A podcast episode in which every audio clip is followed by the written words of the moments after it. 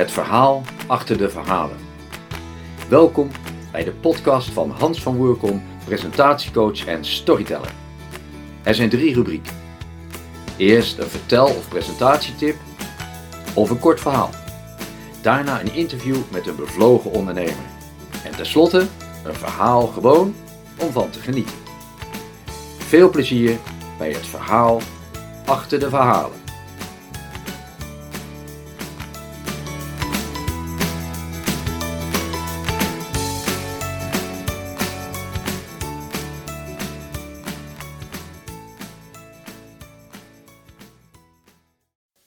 Als je een pitch of een presentatie hebt, is het heel belangrijk dat je weet wat je kernboodschap is. En als je dat in een, ja, in een one-liner of een kernachtige zin weet te verpakken, dan, eh, ja, dan is dat heel mooi. ik denk aan een verhaal wat ik eens een keer gehoord heb. We've got tickets. We hebben kaartjes. Een uh, Amerikaanse podiumspreker die heel druk is, heel veel opdrachten, die komt op een dag thuis en zijn vrouw zegt: eh, David, we moeten praten. En dan denk wat heb ik fout gedaan? David, ik vind het fijn dat je al die, ja, al die spreekbeurten hebt, al die presentaties hebt, maar we zien elkaar nooit meer. Wat doen we eraan? Ja, nou ja, die twee zijn om de tafel gaan zitten. En er kwam het volgende uit. Ze zijn afspraken gaan maken. He, zo van, nou, die dag gaan we naar het museum, die dag gaan we naar het theater, dan gaan we een keer naar een restaurant. op die manier ja, zien ze elkaar veel vaker. En dan is uh, de gevleugelde uitspraak eruit gekomen: We've got tickets. Uh, goedemiddag, uh, we hebben weer een nieuw gesprek voor de podcast. En de podcast heet Het Verhaal Achter de Verhalen. Deze keer heb ik als gast Ruby van Urk. En Ruby is coach, ja, ze doet coaching voor spreken en zingen. Nou, dat, dat, maakt al heel nieuwsgierig, denk ik. Hè? En daar gaan we dadelijk veel meer van horen. Ruby, welkom bij deze podcast. Dankjewel Hans, ik heb er zin in. Ja, dat dacht ik al. nou, daar gaan we wat moois van maken. Ehm, eerst een paar algemene vragen. Wat was vroeger, uh, of ja, mag ook nu, een favoriet boek van jou? Um, echt van de lagere school, uh, Kruistocht in Spijkerbroek. Oh, fantastisch. Ja. En uh, ja, dat vond ik heel indrukwekkend. En ja, eigenlijk de GVR, Mathilde, allemaal van dat soort boeken vond ik heerlijk. Ja. Ja, ja Roald Dahl hè, is ook... Ja, ja, ja, ja aansprekende. Weet je wat ik van Roda het mooiste vond? Uh, het Daantje en de. Nee, Daantje de wereldkampioen. Oh ja, ja. Met fazanten en zo. Ja, ja, dat heb ik ook gelezen, ja. En later ook voor mijn Engelse lijst. Die heb ik weer gelezen op de HAVO, ja. Oh, leuk. Zo, hartstikke goed joh. Heb jij een film die je geweldig vindt of vond? Uh, van de laatste tijd vind ik wel A Star is Born natuurlijk geweldig. Met Lady Gaga en Bradley Cooper. En die muziek en die uh, passie en die uh, liefde en ah, romantiek. Ja, huilen, heerlijk. Ja, prachtig. ja, dat klinkt heel goed. heb je een hobby? Hobby's, ja. Ik heb heel veel. Nou ja, het fijne is eigenlijk dat heel veel van mijn hobby's ook mijn werk zijn. Natuurlijk, een van mijn hobby's is natuurlijk zingen. En ja. nou, dat is ook mijn werk geworden. Een van mijn hobby's is ook sporten. Dat doe ik ook als werk. Ik geef uh, heel graag pilatesles, maar dat doe ik zelf ook heel graag. Ik ben gek op wandelen met mijn uh, twee hondjes. En uh, ja, ik moet ook zeggen, ik ben ook gek op, mijn zoontje is zes, ik ben ook gek op spelletjes doen. Gewoon lekker ganzenborden, memory. Ehm, ja, ik, ik ben blij dat hij, oh, nou, hij moet eigenlijk van mij, want ik probeer iedere avond na het eten lekker een spelletje te doen. Dat vind ik heel leuk. Uh, ja, van, nou. van dat soort dingen. Dat is wel heel wat. Uh, heb je wel eens het spel uh, Kezen gedaan? Ja, ik ken het wel, ja. ja. Dus, wat, dat is eigenlijk van mensen erg je niet, maar dan met speelkaarten. Ja, ja. dat is een fascinerend spel. Ehm, wat is een gerecht waar ze jou s'nachts wakker voor kunnen maken? spaghetti. Ah, spaghetti, ja, maar er is toch wel iets erin, hè? Er moet toch wel iets Oh, spaghetti bolognese. Dat ze al van kinds af aan. Al dat, dat, want dat kan ik ook gewoon zo vijf dagen achter elkaar eten. Je kan andere dingen bijvoorbeeld heel bijzonder. Ik vind sushi ook heel lekker, maar ik hoef geen vier dagen sushi. Nee, nee, nee. Nee, nee. nee maar spaghetti kan ik zo een week eten. Ja, en met z'n... Gewoon bolognese, met rode groentesaus. Ik hou niet van kaas, plus geen kaas. Oké. Dus dat moet er niet bij, maar gewoon uh, rode gehakt saus. Ja, heerlijk. Nou, hartstikke goed. Uh, nou, nu gaan we eens naar je werk. Uh, wat, wat doe je nou precies voor werk? Uh, zo ja, wat doe ik eigenlijk? Ja, ja wat doe je? ja, nou, ik ben ooit begonnen op de BABO als schooljuffrouw. Mijn kinderdroom was, ik wilde echt schooljuf worden en zangeres. Dus ik ben eerst naar de BABO gegaan. En daarna naar het conservatorium. En daar ben ik opgeleid ook tot zangdocent. En na het conservatorium ben ik heel veel gaan zingen, optreden, theatershows, echt van alles gedaan. Um, en ik uh, geef eigenlijk ook vanaf dat moment uh, zangles.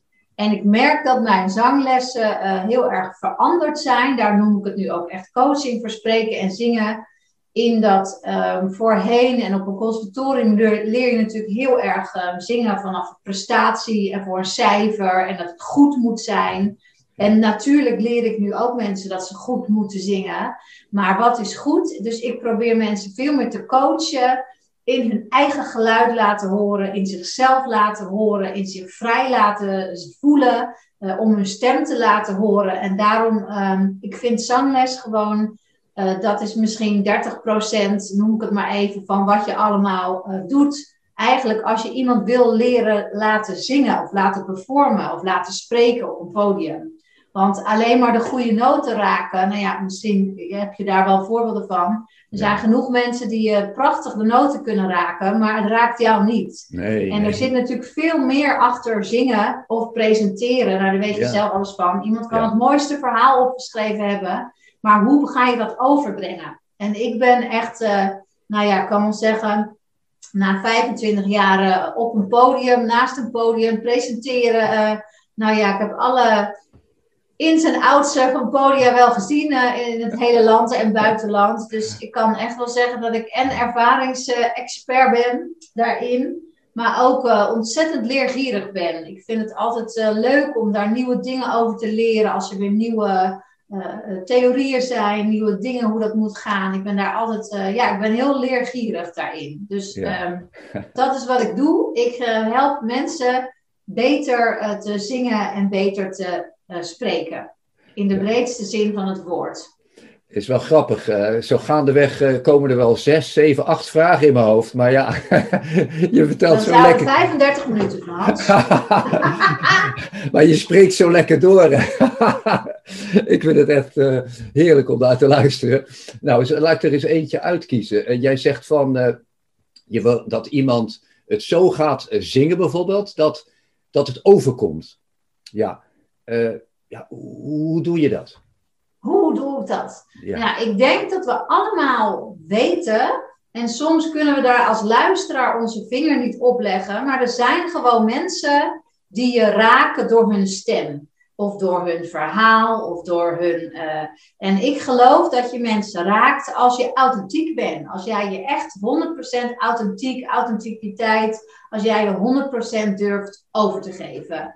Uh, en dat zit hem in lichaamstaal, in, in gezichtsuitdrukking, in, in mindset die erbij is. Uh, als ik in mijn hoofd denk, oh help, nu komt die hoge noot en nu ga ik hem zingen, dan wordt hij nooit zo mooi dan als ik denk, oh, en nu ga ik de pijn eruit zingen, want die hoge noot is, hè, bijvoorbeeld, gaat bijvoorbeeld over pijn. Ah! En, en, en dat ga ik eruit zingen. Dus ik probeer heel erg vanuit de emotie, vanuit het gevoel, het geluid over te laten komen, zodat het bij de luister, dat jij in ieder geval als zender, laat ik het zo zeggen, zo echt mogelijk overkomt. En ik, ik, het bestaat niet als jij hier vandaan echt uitzendt dat het bij die ander niet raakt. Kijk, je, je kan, er is altijd smaak. Hè? Je, je, houdt van de een houdt er wel van, de ander houdt er niet van. En de een vindt het overdreven. De ander... Kijk, er zijn allerlei smaken. Maar het, het meestal, en, en als je ook kijkt naar wat hits dan zijn, hè, niet allemaal, uitzondering natuurlijk allemaal daar. Maar als je kijkt naar bijvoorbeeld hè, programma's als De Beste Zangers of dat soort dingen. En dan hebben mensen en dat helemaal ja, uit hun hart gezongen, dan moet het altijd maar.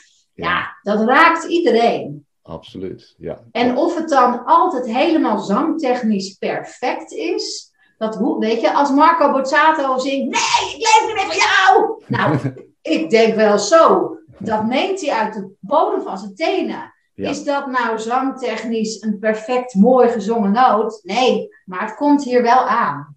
Ja. En dat is meer waar ik mensen heel veel meer op begeleid. En waardoor ik ook zie dat mensen veel meer durven in zingen. En, en veel meer eh, vanuit zichzelf gaan zingen. In plaats van ik moet de mooie noten raken of de juiste. Ja, jongen. Ja, Ja, dit is, eh, Hans. uit- dit is uit Had jij niet gedacht, hè? nou, het is uit mijn hart gegrepen hoor, moet ik zeggen. Kijk, dat ze met verhalen vertellen ook. eh, Ja. ik, weet, ik weet nog eens een keer dat iemand zei, die was naar een voorstelling van mij wezen kijken, toen was ik nog niet zo heel lang bezig.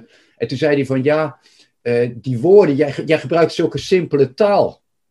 En toen dacht ik, ja, ja, ja, ja. Ik ging nog even met hem mee. Maar het gaat helemaal niet om simpele Nee. taal of, of ingewikkelde taal. Het gaat om dat jij de mensen weet te raken met wat je, wat je zegt en een andere keer wat je zingt. Da- daar gaat het toch om. En Hoe wat je zeggen ze zegt- dat mooi in het Frans? Celeton, eh, Qui fait- qui fait- dat nou. qui- qui fait la Ja, maar ja, c'est le ton qui ik geef altijd maar het hele simpele voorbeeld. Als ik tegen, bij jou aankom en ik zeg, oh, wat heb jij een leuke broek aan? Dan zie je misschien dat als een compliment. Maar als ik bij jou aankom en zeg, nou Hans, wat heb jij een leuke broek aan? Dan voel, hè, ervaar je dat heel anders. Absoluut. Dus ja. Ja, dus het, het, het gaat niet om de woorden, maar het gaat om hoe je die woorden de boodschap overbrengt. En dat is in spreken, dat is in zingen. En het fijne is dat het eigenlijk zo'n ja, eh, eh, mooie lijn is bij elkaar. En ik heb, dat ik heb ook het conservatorium musical opleiding gedaan. Dus ik heb ook heel veel geleerd over toneellessen en tekstbeleving en hoe je met teksten om moet gaan. Dus ja, ik merk eigenlijk wat dat betreft dat alles wat ik ooit ergens geleerd heb, dat dat allemaal samenkomt in mijn eh, coaching. En dat ja, en het is gewoon geweldig om mensen helemaal te zien eh, opleven dan. Dat ze dus echt ook dan van zichzelf eh, vinden uiteindelijk en voelen, ja, ik kan dit. Want hoe streng zijn wij al niet, wel niet allemaal voor onszelf? Absoluut, Oordelend en veroordelend. Want ik denk dat iedereen wel eh, een verlangen heeft om te zingen. Je gaat zelf ook op zaterdagmorgen zingen. En dat is gewoon heerlijk. Daar word je blij van, toch? Ja. Zingen doet, zet van alles aan in je lijf en in je lichaam en, en het, bevrijdt. En weet je, het is, ik zou eh, voor iedereen willen dat hij zou gaan zingen. Al is het maar om je, je hersenen gewoon, eh, nou ja, je weet misschien van demente mensen of noem maar op. Ja. Zingen doet gewoon heel veel voor je, voor je hersenen, voor je lichaam, voor je lijf. Iedereen zou moeten zingen. Is mijn missie. Maar weet je, ehm, eh, ja, het- ik vind het gewoon helemaal geweldig als mensen hier dan een beetje zo binnenkomen. Ik had van de week ook weer een meisje en die komt dan echt met zo'n piepstemmetje binnen. En ze durft echt bijna niet te praten. Het is een heel zacht stemmetje. En dan komt ze aan met een ontzettend rocknummer over whisky, whisky, whi- Nou, ik dacht echt, hoe zoekt zo'n meisje dit uit? En dan binnen een uur staan we samen helemaal te rocken. En ze gooit haar haar los.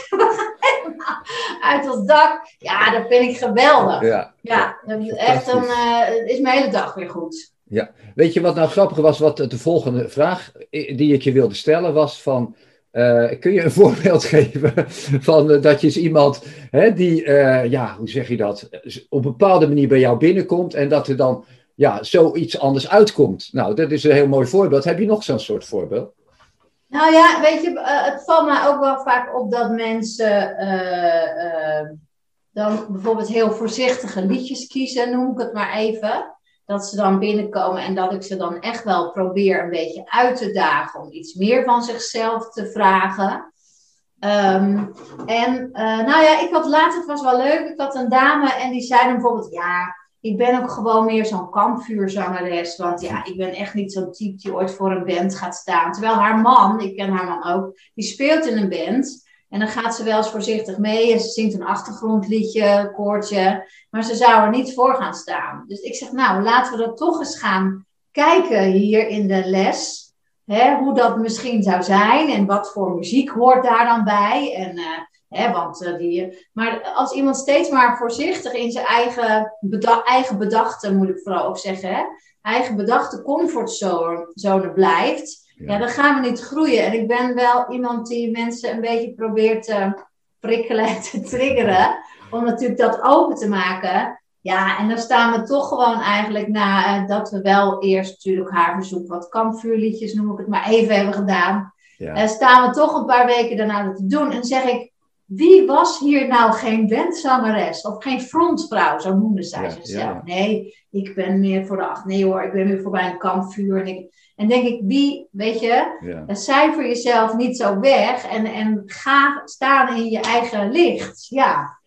Ja, het zit in je hoofd dan, hè? ja, er zit heel veel in mensen hoofd. Heel, heel veel. Vooral op dit gebied, ja. Ja, want in wezen, het lijkt ook een beetje psychologisch werk wat je doet, hè? Want... Nou ja, ik, ik merk wel dat, dat zingen gewoon, weet je, eigenlijk door zingen komen mensen bij, dat weten ze niet op eerste hand, maar mensen, je komt toch een soort blokkades tegen, maar ik denk dat je dat ook wel hebt bij presenteren, een soort blokkades tegen over oh. jezelf. Over de, je bescheidenheid. Ja, maar ik zing nooit hard, of ik doe nooit dat, of ik ga. Weet je, je eigen bescheidenheid, je eigen schaamte, je eigen. En dan als je natuurlijk wil zingen, of als je dat wil uitroepen, uitdragen, ja, dan zijn dat wel dingetjes waar je een beetje overheen moet. En eigenlijk vaak door uh, techniek te leren, uh, door je zeker te maken, door nou ja, daar een beetje andere mindset over te creëren, door allerlei zekerheden daarin in te bouwen, ja, gaan mensen daar toch een kleine transformatie in beleven.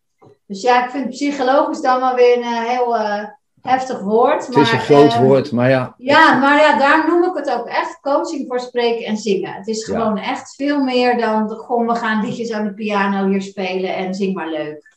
Ja. Nou ja, goed, kijk, emoties, ja, die, die raken aan je, je ziel, zal ik maar zeggen. Dus het is helemaal niet gek hoor. En ik heb het met spreken ook wel eens een enkele keer hoor, dat iemand ineens een, een traan krijgt. Want ja oei, je komt zo dichtbij en uh, dan komt er zoveel oud zeer naar boven. Ja. Van, uh, nou ja, mensen kiezen ook bepaalde liedjes dan toch ook wel, hè, die ze natuurlijk mooi vinden om een bepaalde tekst. Ja, en uh, nou, dan zeg ik, goh, kies een situatie uit je eigen leven, want hoe zou jij dat zeggen? Hoe zou jij dat zeggen als dit op dit moment jouw verhaal is? Hè? Wat voor, zit daarvoor voor, voor? Wat is daarvoor gebeurd? Wat, wat wil je eigenlijk vertellen met je verhaal? Uh, nou ja, plaats dit in je eigen situatie. Want als je het in je eigen situatie plaatst, dan kan je het het beste overbrengen. Want mensen zeggen al snel, ja, dit lied, die zangeres zingt dat. Ik zeg, nee, niet die zangeres zingt dat. Dit is nu jouw lied. Jij gaat dit verhaal vertellen. En hoe, hè, hoe zou jij dit verhaal vertellen als dit jouw situatie was? En meestal hebben mensen toch namelijk wel stiekem een liedje gekozen. En dat heb je misschien zelf ook met liedjes, die wel iets bij jou losmaken. Want daarom vind je iets vaak een mooi lied of een mooie tekst. Of, uh, ja, dus daar zit natuurlijk al een kleine lading op. Nou, daar ga ik heel graag mee aan met mensen, ja. ja dat snap ik. Ik heb eens, uh, nou dat is bijna 30 jaar geleden, toen uh, een beetje een moeilijke periode. En toen was er een soort operazangeres die gaf dus uh, ja, ook zingen met mensen, maar ging helemaal niet op over opera, maar juist uh, een soort popliedjes en dergelijke. En die koos op een gegeven moment, we hadden een groep van 20 tot 25 mensen, koos een lied voor, voor de, uh, de mensen en ook voor mij. En toen kreeg ik Verdronken Vlinden van Boudewijn de Groot. En dat heb ik ook later in een verhaal verwerkt. Dat was, ja, dat deed mij echt enorm veel, hè. En het was emotioneel ook, hè. Ja. En ik zie nog zo dat ik het verhaal een keer vertelde ben mijn moeder zat in de zaal. En, en uh, voor publiek, hè. En, uh, en, toen was ik de tekst kwijt. Toen, toen, zat ik nog in mijn beginfase van het verhaal vertellen. Oh, en toen, kop als vuur. En toen ben ik weer over, opnieuw begonnen. En toen ging het goed. Maar, jongen, jongen. Hey, maar wat mooi hoe dan een keer zo'n lied dus zingen. Hoe dat dus een ervaring in je leven is. Ja. Want dat, weet je, iedereen weet de musical van de lagere school. Iedereen weet een keer dat ene. Weet je, dat zijn ontzettende ervaringen die je ontzettend kunnen breken in je leven, maar ook ontzettend kunnen opliften. Ja. Dus als het geen corona is, probeer ik ook zeker twee, drie keer per jaar een voorstellingenavond te organiseren. Dat we dan gaan zingen op een podium en noem maar op, daar werken we dan ook naartoe. Ik ook een soort podiumtraject voor, weet je, dat we dan echt in stappen naar het podium gaan werken. Uh, en uh, ja, weet je, er is natuurlijk van alles te, te leren en te doen. En uh, ja, het is, ik, ik vind het zelf helemaal geweldig. Ja. Ja. ja, eigenlijk heb je het al gezegd, maar hoe, hoe komt het nou dat je dat werk zo fijn vindt? Komt dat nou? Ja. Ja, ik moet heel eerlijk zeggen dat ik het het leukst vind dat uh, ik dan mijn, hoe zal ik dat zeggen, mijn, mijn passie echt bij mensen kan overbrengen en mensen echt kan laten openen. Ja. Ik zie ze echt uh, transformeren na een aantal lessen en sommigen al in één les. En dat ik echt denk, ja, weet je, ik ga ze ook wel stiekem filmen. en dan zeg ik na de les, ik zeg, kijk nou hoe ontzettend mooi je bent als je dat zo ziet. Je ziet mensen echt gewoon letterlijk gaan stralen. Ja, nou, dat vind ik, ja, sorry, daar ben ik gewoon heel blij van. Ja, dat, dat kan ik me helemaal, ja. uh, dat kan ik me helemaal voorstellen. Ik, ik vind het zelf ook uh, prachtig als je mensen ziet groeien op de een of andere manier. Ja, Dat is toch wel. Uh, en dan denk ik maar, wauw, dat ik dat bij mensen teweeg kan brengen. Ik moet, moet zeggen dat ik daar ooit vroeger wel eens wat onzeker over kon zijn. Uh, logisch, dat hoort ook bij je werk. Maar ik merk nu echt ja, dat ik gewoon met recht durf te zeggen: ik ben daar echt goed in. Ik kan mensen ontzettend uh, laten opliften, laten openen. Laten, en bij de een duurt het wat langer dan bij de ander. Maar ja, het, het, uiteindelijk gebeurt het bij allemaal. En, want dat vroeg ook weer laatst iemand. Vroeg wel zo grappig vraag. Ja, in hoeveel lessen ben ik dan goed? Ik zeg ja weet je wat je goed vindt. Ja, ja of uh, hoe lang heb ik hiervoor nodig? Ik zeg, ja, dat ligt er weer aan hoeveel je oefent. Kijk, het is echt een uh, illusie. Dat wil ik even gezegd hebben. Dat, dat je wakker wordt op een dag.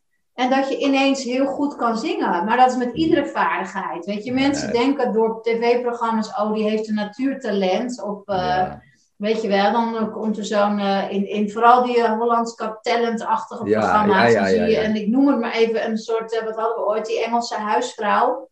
Die dan ineens heel goed opera kon zingen. Ja, ik nou, weet die staat zo keurig met haar mond zo te zingen. Hans, dat hebben jij en ik niet bedacht. Zo, nee. Nee. En ik bedoel, onze Glennis Grace, die hier al honderd jaar zingt, heeft ook in Amerika meegedaan. En dan wordt ze daar ook afgeschilderd als een ja, alleenstaande moeder die nu wil zingen voor haar kind. En denk ik, ja, ja, ja. ik snap dat hoort hoor. In een, het is natuurlijk allemaal tv.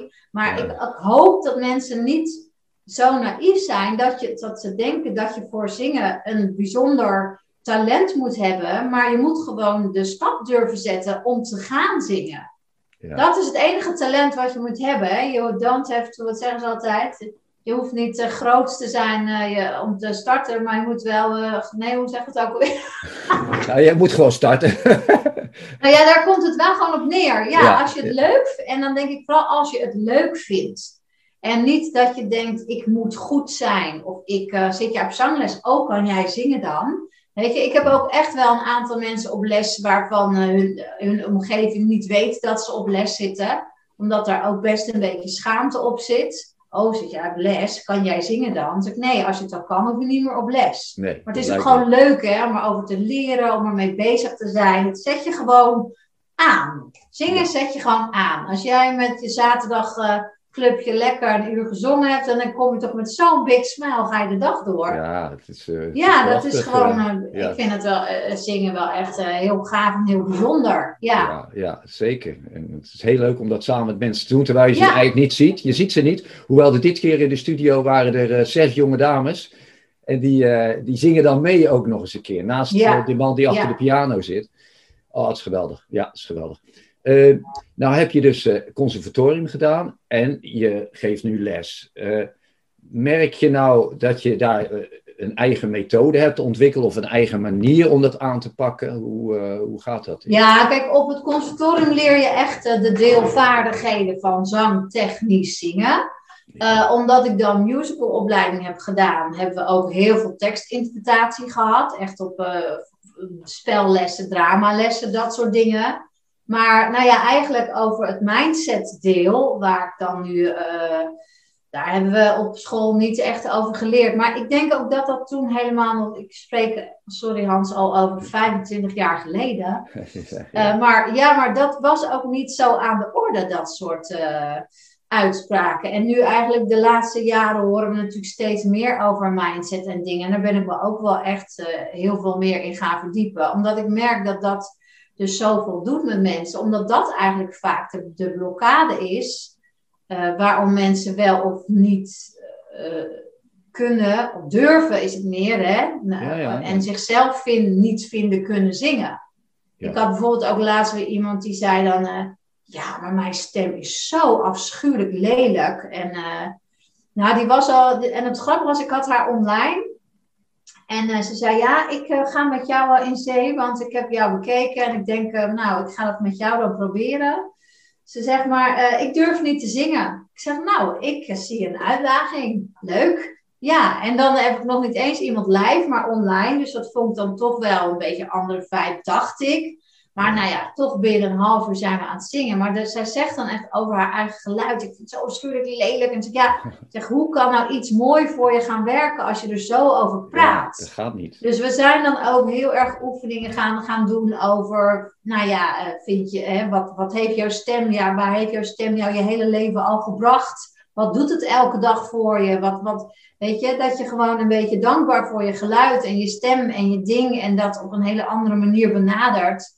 Ehm, ja, waardoor je een beetje meer gaat houden ook van je eigen stem. Hè? En dat het oké is dat dit jouw stem is en jij zingt nu zo na één zangles. Want ja, wat verwacht je van jezelf? Want dat is dan ook altijd weer zo'n ding mensen ja, hebben toch wel snel dat ze denken dat ze dat, dat, dat ineens na één les moeten kunnen kennen. Zeg ik dat goed? Ja, ja kennen, kunnen? kunnen kennen. Ja, dat. Kunnen, kunnen kennen. Ja, ja. ja, dus weet je, uh, ja, en ik moet wel zeggen, ik geef echt niet meer zo les als vroeger op conservatorium. Nee, hoe ik dat geleerd heb. Dus er is eigenlijk um, gewoon heel veel bijgekomen uh, door mijn ervaring van het podium. Uh, door allerlei nieuwe technieken die er uh, steeds ontstaan. Want ook de zangstem, als je naar vroeger kijkt. Hè, vroeger was het natuurlijk alleen maar opera. Toen kwam er operette. Toen kwam een musical. Dus het geluid dat wij als, als zangers of stemmen moesten maken. Is ook steeds veranderd. Als je kijkt naar het Polygoonjournaal. Hoe die mannen praten. Ja. Hè, en als je die oude filmpjes ziet. Of die dames vroeger. Mies, Mies Bouwman.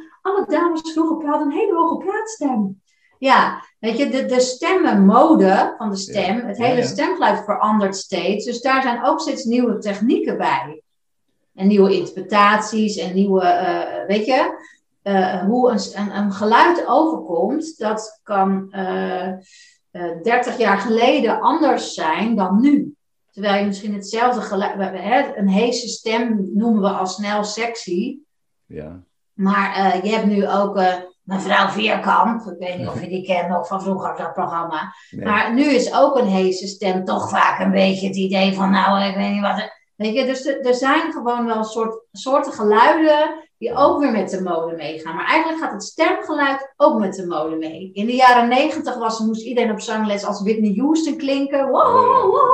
En nu hebben we weer heel andere geluiden. Weet je, dat is ook een beetje het modebeeld. Dus de stem heeft ook een modebeeld. Dus eigenlijk de, de stemtechniek en de vraag in de lessen is ook steeds anders. Oké, maar je zegt nieuwe technieken. Wat moet me daar dan bij voorstellen? Kan je eens een voorbeeld geven dan van wat is Ja, um, er waren vroeger gewoon helemaal geen camera's die in je keel konden kijken. En nu zijn die er wel. Dus heel simpel, vroeger werd bijvoorbeeld gezegd dat zangers als Joe Cocker, dat dat slecht was voor je stem als je de hele tijd zo zong. Maar die man die deed dat toch, avond aan avond. En dan kunnen ze gewoon tegenwoordig met de camera in je keel kijken. Hoe dat dan allemaal werkt. En daar is dan weer een zangtechniek omheen gemaakt. Oké. Dit is echt de Bijbel. Complete vocal techniek. Catherine. Ja, de, de, zij is echt geweldig. Dus ik werk heel veel met haar. Er zijn ook mensen die speciaal komen om die technieken bij mij te leren. Uh, maar uh, ja, ik vind dus techniek zeker niet de oplossing voor alles. Dus, en ik heb dan uh, deze bestudeerd en je hebt EVTS. En er zijn eigenlijk allerlei wegen. Ik noem dat maar zo. Er zijn heel veel wegen die naar Rome leiden. En gelukkig heb ik een hele grote tas vol met allerlei technieken bestudeerd. en bij de een past dat en bij de ander past dat. Oké, mooi. En eh, je zegt dus, het is, de techniek is zeker niet de oplossing, hè? Niet altijd, nee. Voor heel veel mensen niet, nee. nee. nee. Je kan niet alles op, technisch oplossen. Nee, oké. Ik, ik moest er net ook even denken aan van... Ik heb het idee dat jij, als jij uh, mensen bij je krijgt... dat het toch elke keer ook een ander begin is of zo. kijk, je, je hebt wel eens zo van... Nou, oké, dit, dit, is uh, even een intakegesprek of iets dergelijks... Maar ik heb het vermoeden dat het bij jou toch net steeds weer iets anders is. Ook door je ervaring. Maar klopt dat? Of, Bedoel je bij ieder persoon? Ja, ieder persoon die jij op nou ja, zangtraining of stemcoaching hebt. Dat het nou, het ligt heel erg aan de vraag van die persoon en aan de wens. Oké, wat zijn de wensen zoal die mensen hebben, die bij jou komen? Nou ja, zoals ik net bijvoorbeeld aangaf, dan heb ik een meisje met een heel klein stemmetje. En die wil dus uh, maar eens rock zingen. Ja, nou ja. En zo had ik, uh, maar ik had ook bijvoorbeeld, was wel interessant, ik had een dame voor stemcoaching. Oh ja, nou, dan komt misschien nog maar. Ik had een dame voor stemcoaching uh, en die werd maar online afgewezen in haar sollicitatiegesprekken. En toen hebben we gewoon heel erg die uh, gesprekken even bekeken en besproken. En nu had zij voor zichzelf bedacht, wij hebben allemaal verschillende stemmen die we gewoon de hele dag gebruiken. Hoe je tegen je hondje praat, hoe je als je de bank opbelt praat, hoe je als je tegen uh, je vrouw praat, dan praat je weer anders dan daar. Wij hebben gewoon allemaal soorten stemmen. Of nee, niet soorten, ja, geluiden moet ik het zeggen. En deze vrouw had een geluid bedacht voor een sollicitatie, want dat was dan haar zakelijke geluid. Maar waardoor ze ook helemaal nors ging kijken. En dus eigenlijk als een soort ontzettende strenge nieuwslezeres dan haar sollicitatie deed. Terwijl toen ging ik daarna met haar kletsen over de vakantie waar ze heen ging met de camper. En ze was een hele leuke, stralende vrouw. En zei ik, ja, ik zeg maar sorry, praat gewoon zo. Maar dat is dan dus een dingetje in iemands hoofd. Ja. Uh, dat je moet leren dat hè, dit, ik praat over mijn vakantie, dat dat geluid, dat je dat mag inzetten ja. um, voor, je, um, uh, voor je sollicitatiegesprek. En zo had ik van de week, uh, of een paar weken geleden, een dame en die ehm, belde mij op. En gelukkig heb ik niet naar de leeftijd gevraagd. En na gaandeweg in het gesprek vertelde ze me dat iemand haar altijd, iedereen haar zo jong aansprak. En uh, dat ze dus uh, graag wilde wat volwassener overkomen in haar stem en wat zelfverzekerder. Ze zegt, want ja, laatst werd ik echt opgebeld en toen vroeg de monteur van, goh, is je moeder ook thuis? Dus ik zeg, oh, nou ja, het is echt wel een beetje vervelend, dat snap ik. Ja. Zeg maar, hoe oud ben je dan? Toen zegt ze 37. Nou, ik kan me voorstellen als je 37 bent en mensen benaderen je altijd door jouw geluid, hè, als een meisje ja. van 16, 17, want zo klonk ze echt aan de lijn. Ja. En soms dus als een kind, ja, dat is gewoon echt vervelend. En ze was hier geweest en ik had haar een paar tips meegegeven. En toen zei ik, goh, hoe gaat het nu? En nou ja, ik had het moeten opnemen. Ik vond het zo jammer dat ik niet... Ja, zegt ze, het is niet te geloven. Iedereen zegt al twee weken u tegen me, allemaal. dat doen we allemaal, zeggen ze gewoon u. En het was echt een gouden tip en dankjewel. En, uh, en toen dacht ik, ja, nou ja, ik word daar heel blij van. Helemaal super. Ja. ja. Is het zo? Dus het, weet je, dus dat, wat dat betreft, het ligt heel erg aan wat voor vragen ik krijg, hoe ik met iemand aan de slag ga. Dat is natuurlijk niet bij een uh, groepsles. Ik heb ook groepslessen en ik heb ook natuurlijk workshops die gaan dan over een bepaald thema. Waar ik natuurlijk wel altijd mensen ja, openlaat van op een gegeven moment welke vraag kom jij deze workshop in? Of wat is wat jij graag wil leren van mij? En daar probeer ik dan natuurlijk altijd wel een antwoord uh, op te maken. Maar het ligt dus heel erg aan wat, wat iemands nou ja, wens is, of uiteindelijk. En ik merk ook dat mensen niet altijd heel duidelijk hun wens hebben als ze hier komen. Dat ze gewoon dus denken, ik wil zingen. Of Ja. ik wil eens kijken wat ik kan. Of eh, nou, ik ga eens eh, zien, ik ga dat eens een keer proberen. Ehm, eigenlijk, maar ja, weet je, zingen geeft dan wat dat ook een ontzettende boost aan je zelfvertrouwen. eh, als je het dan ineens kan, of als het Ja. lukt. Of, Het- Het is ook zo, ja. Nou, mooi zeg. Ja, goed om te horen. En, ja, schiet me nog de vraag te binnen van... Lukt het nou altijd om iemand die bijvoorbeeld een heel ja, kinderlijk stemmetje heeft... Om die, of een kinderlijke stem heeft, om die, ja, om die stem te brengen naar een, een ja, wat volwassener eh, stem? Is, is dat bij iedereen mogelijk? Of, eh? Nou ja, ik, weet je, eh, tot nu toe mensen die ik in mijn praktijk heb gehad, ja, is daar- bij iedereen gelukt. Kijk, Ja. nou, dat is mooi om te horen. Het, bij- bij- en ik moet ook zeggen, dat is wel gaaf. Eigenlijk voor dat soort stemproblemen, als je dan echt één zo'n gerichte vraag hebt, dan ben je ook echt in één of twee lessen klaar.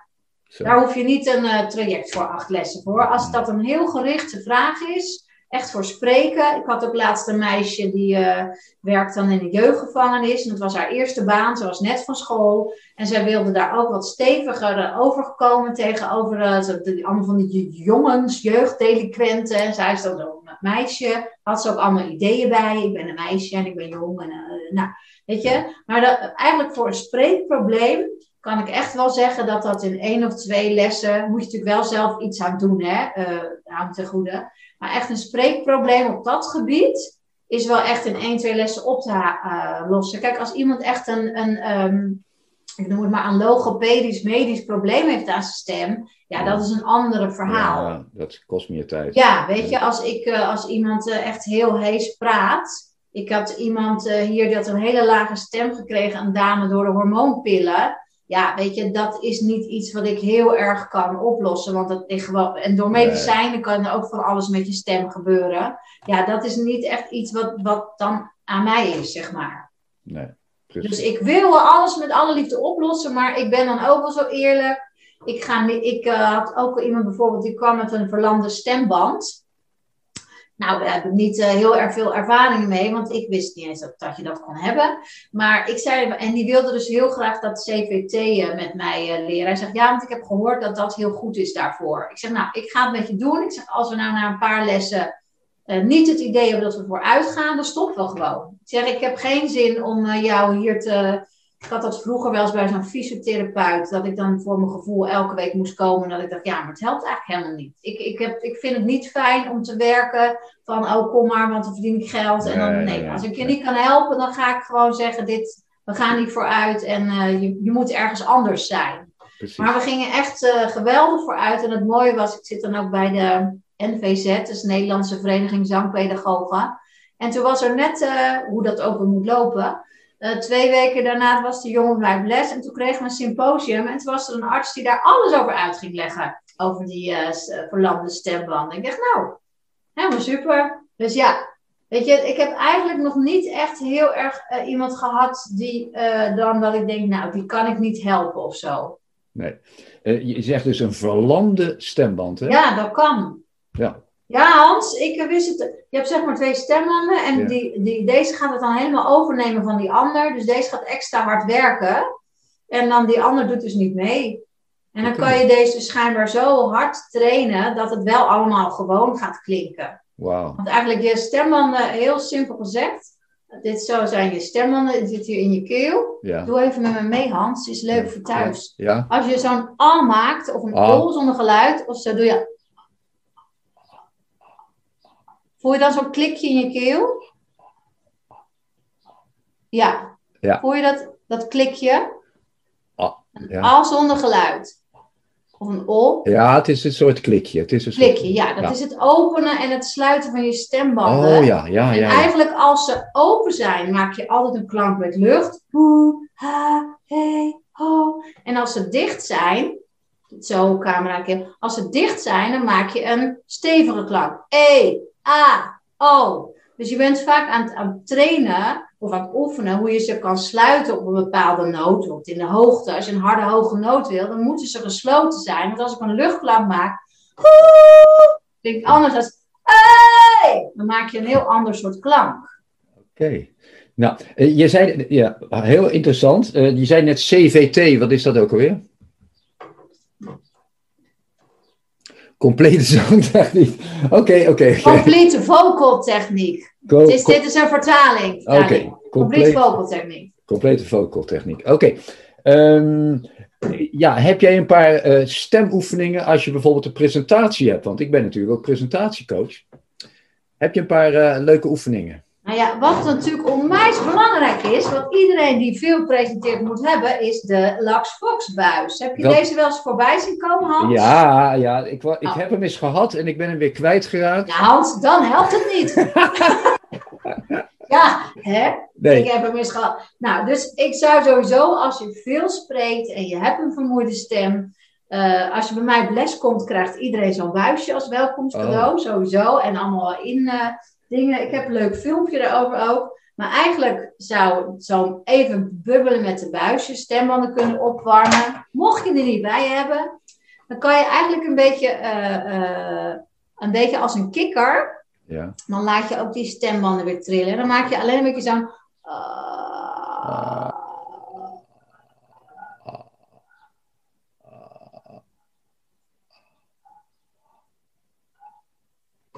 En dan eigenlijk laat je die stembanden helemaal trillen. Weet je, Ja. de trilplaat van je stembanden, dat doet ook deze buis. Maar die laat Ja. alles eromheen lekker een beetje trillen, dat tot de bloeding op gang komt. En verder lekker, de, altijd de M is altijd eigenlijk fijn.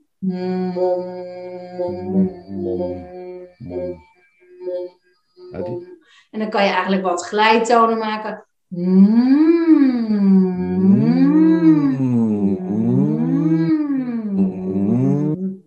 En eigenlijk, ik denk als je je presentatie gaat doen, en dat is er een waar je ook luid gaat spreken of eh, zachtjes, dan zou ik gewoon die eh, tonen gewoon een beetje nadoen. Hey! Ho! Hè? Als dat eh, in, je, in je verhaal een aantal, ik kan me voorstellen als jij een spannend verhaal vertelt en dan komt een ridder en die zegt: Hey, stop! En, en jouw stem heeft Stop. dat nog, ja, weet je, jouw stem heeft dat nog helemaal niet gedaan daarvoor. Het is natuurlijk allemaal maar een, een spiergeheugentraining. En je zet die stem alvast een beetje in, hé, hey, dat heb ik al even gedaan. Dat vindt je stem gewoon fijn.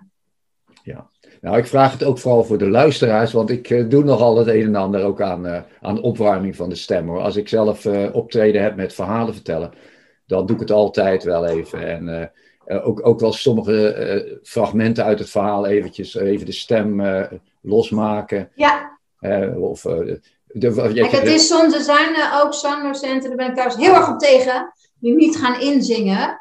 Eh, ik vraag altijd aan mijn leerlingen, heb je thuis ingezongen of niet? En wil, heb je dat nog even nodig? Er zijn zangdocenten die zeggen, je hebt de hele dag al gepraat, dus hoef je niet meer in te zingen, je stem is warm.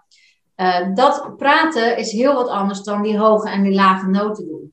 Hmm, Eh, en dan, al zou het niet eens zijn om je stem op te warmen, het is gewoon even om je hersenen in die modus te zetten van straks ga ik dat doen.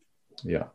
Ja. Weet je, het is hartstikke leuk als jij de hele dag hebt gewandeld buiten, maar als jij een voetbalwedstrijd gaat eh, doen, ga je ook even inschieten. Dan ga je ook even met een bal wat doen. Tuurlijk, Dus tuurlijk. ik denk eh, eigenlijk wat, wat, wat past bij wat je dan gaat doen. Het heeft ook helemaal geen zin om een hele hoge noten te gaan zingen als jij een laag liedje gaat doen. Dus eigenlijk, of, hè, of als jij dus wat, als jij zegt ik ga spreken, doe inderdaad een stukje uit wat je spreekt. Maak een beetje snelle letters. Je kan natuurlijk je lippen en je tong een beetje losmaken. La la la la la, pa pa pa pa pa, dat soort dingen. Ja, dat doe ik ook vaak. Ja, nou dat is dus grappig. Die, brrr. Ja. Ik kan die de lip, Nee. ik kan de liptril niet. Dus ik raad die nooit aan, want ik kan zelf niet. Maar ik wilde er altijd. Maar dat is natuurlijk allemaal lekker om een beetje het slijmer af te halen eigenlijk. Zeker, zeker. Nou, hartstikke mooi. eh. En nog één vraagje eigenlijk, want eh, ja, ik zou nog uren door kunnen gaan praten met we je. maken nog tien podcasts. We gaan een serie maken. nou, kijk, we hebben het over het zingen heel weinig gehad, want daar had ik eigenlijk heel veel eh, eh, meer van willen weten. Maar eh, stel je nou eens voor dat eh, je bent aan het zingen en het, eh, hè, of je was aan het zingen en het ging lekker. Hoe, hoe, was dat? Hoe, voelde dat? Kan je daar nog iets over zeggen, tenslotte? Ja. Nou ja, eigenlijk wat ik dus bij mijn leerlingen dan zie, dat je gewoon helemaal gaat stralen. Je bent gewoon in je element dan. Je bent in alignment. Ik heb ook echt mezelf wel een aantal keer eh, kippenvel gezongen. Dat ik dat kreeg van mezelf, zeg maar. Ehm, en dat dan, ik denk, dat noem ik altijd dan toch maar een beetje, was vroeger zo'n programma van de X-Factor. Ja. Maar als alles op zijn plaats valt, je voelt je daar lekker, eh, de energie met het publiek klopt, eh, je zingt fijn, eh, ja, weet je, dan heb je gewoon zo'n bijzondere energie over en weer. Ja, dan, dan voel je je toch gewoon koning van het podium. Ja, Dit eh, vind ik een prachtig slot eh, van deze podcast, de koning van het podium. Eh, nou, geweldig bedankt, Ruby, want graag gedaan, Hans. het is zo heerlijk om naar je te luisteren. Je hebt zoveel te vertellen en ja, ik krijg gewoon zin om eh, te zingen. En, eh, Nou, jij komt een keer bij mij, Ja, ja, dat dat- hebben we afgesproken. dat hebben we dus, eh, afgesproken. dat staat. dat eh, gaat gewoon. Dat, daar heb ik ook zin in, Hans. Ik denk Ja. dat het ook leuk wordt. ik weet wel zeker. nou, hartelijk bedankt en eh, alle goeds. In Engeland woonde eens een arme houthakker, George. Het was een lange, magere man met zo'n zwarte baard en vriendelijke, donkerbruine ogen. Elke dag ging hij naar de markt om zijn hout te verkopen. Werd hij er rijk van? Nou, niet echt. En dat kon je zien aan zijn huis. Het was een armoedig huis. Zijn houten tafel zat vol met gaten. De stoelen eromheen, niet best. Je kon er zo doorheen zakken. Er was een, ja, een bank met van die kussens waar je diep in wegzakte. Er was ook een klein houten bankje vlak bij de open haard en een oude verfloze schommelstoel. George woonde daar niet alleen. Hij woonde samen met zijn vrouw Sarah, zijn vader Tom en zijn moeder Molly. En alle drie hadden ze wel een probleem. Zijn vrouw Sarah, ach, ze wilde nog zo graag een kindje krijgen. Maar ja, ze was 58. En je kon het zien aan haar ogen, die straalden niet. Die, die stonden wat, wat tof, wat, wat somber zo af en toe. Maar ja, ze maakte van het leven wat ze kon. En had je vader Tom. Die liep met een stok door het huis en dat vond hij niet leuk. Maar hij had een onverwoestbaar humeur. En hij kon geweldig verhalen vertellen. Verhalen over de koningen, de koninginnen, de prinsen, de prinsessen, reuzen, draken en het kleine volkje. Prachtige verhalen voorbij de open haard. En dan had je moeder Molly. Die zat in die schommelstoel en op een dag, toen, probeerde ze de muur te zien. Maar dat lukte niet. Een paar weken later keek ze naar haar eigen hand. Maar ze zag hem niet. En toen kwam die dag dat het zwart werd voor haar ogen. Ze was blind. Ze vond het verschrikkelijk, maar ze maakte van het leven wat ze kon. Ze vroeg wel veel aan. Dan zei ze van George, ik wil koffie. En kwam George aangelopen. En zei die moeder alsjeblieft een lekker bakje koffie. En George, wat waren de problemen van George? Nou, hij had niet zoveel problemen. Of het moest zijn dat hij heel vaak moest denken aan de anderen. Hij wilde hun leven wat veraangenamen. Lag hij ochtends zo tegen zijn vrouw in bed en lag hij na te denken. Maar goed, hij kon niet zo gauw een oplossing eh, verzinnen. Maar net als bijna elke dag behalve zondag, gaat hij met zijn grote hakbijl naar het bos. En dit is herfst en de bladeren van de bomen zijn prachtig. En George ruikt, en nou, het ruikt prima in het bos. En dan ziet hij in de verte dat boompje wat hij wil omhakken. En hij komt vlakbij en hij legt de bijl neer, spuugt in zijn handen, pakt de bijl en wil een enorme klap geven. Maar dan hoort hij een zacht geluid. En hij kijkt omhoog en ziet dat het een roofvogel is, een havik. Maar wat is zijn prooi? En hij kijkt naar links, naar rechts, links, rechts en dan ruikt hij iets. En daar tussen de stinkswam een heel klein mannetje. Hij denkt, hé, een kabouter? Ik wist niet dat ze bestonden, maar dat is er een. George heeft geen tijd om na te denken, want de havik duikt naar beneden. En George staat met die bijl. Uh, en hij gooit die bijl, pakt een steen, gooit. Hartstikke mis. Maar de havik is geschrokken, vliegt weg. Maar dat mannetje. Op het laatste moment heeft hij alles gezien en hij. Oh, die havik vlakbij hem. En hij staat te trillen op zijn beentjes. Dank u wel, meneer. U heeft mijn leven gered. Nou, graag gedaan. Ik was toch in de buurt. Oh, meneer, als u er niet was geweest, dan was ik er geweest. Nou, ik ben blij dat je nog leeft. Ik ben u zo dankbaar. Ik wil u er graag iets voor geven. Niet nodig. Ik wil toch wat geven.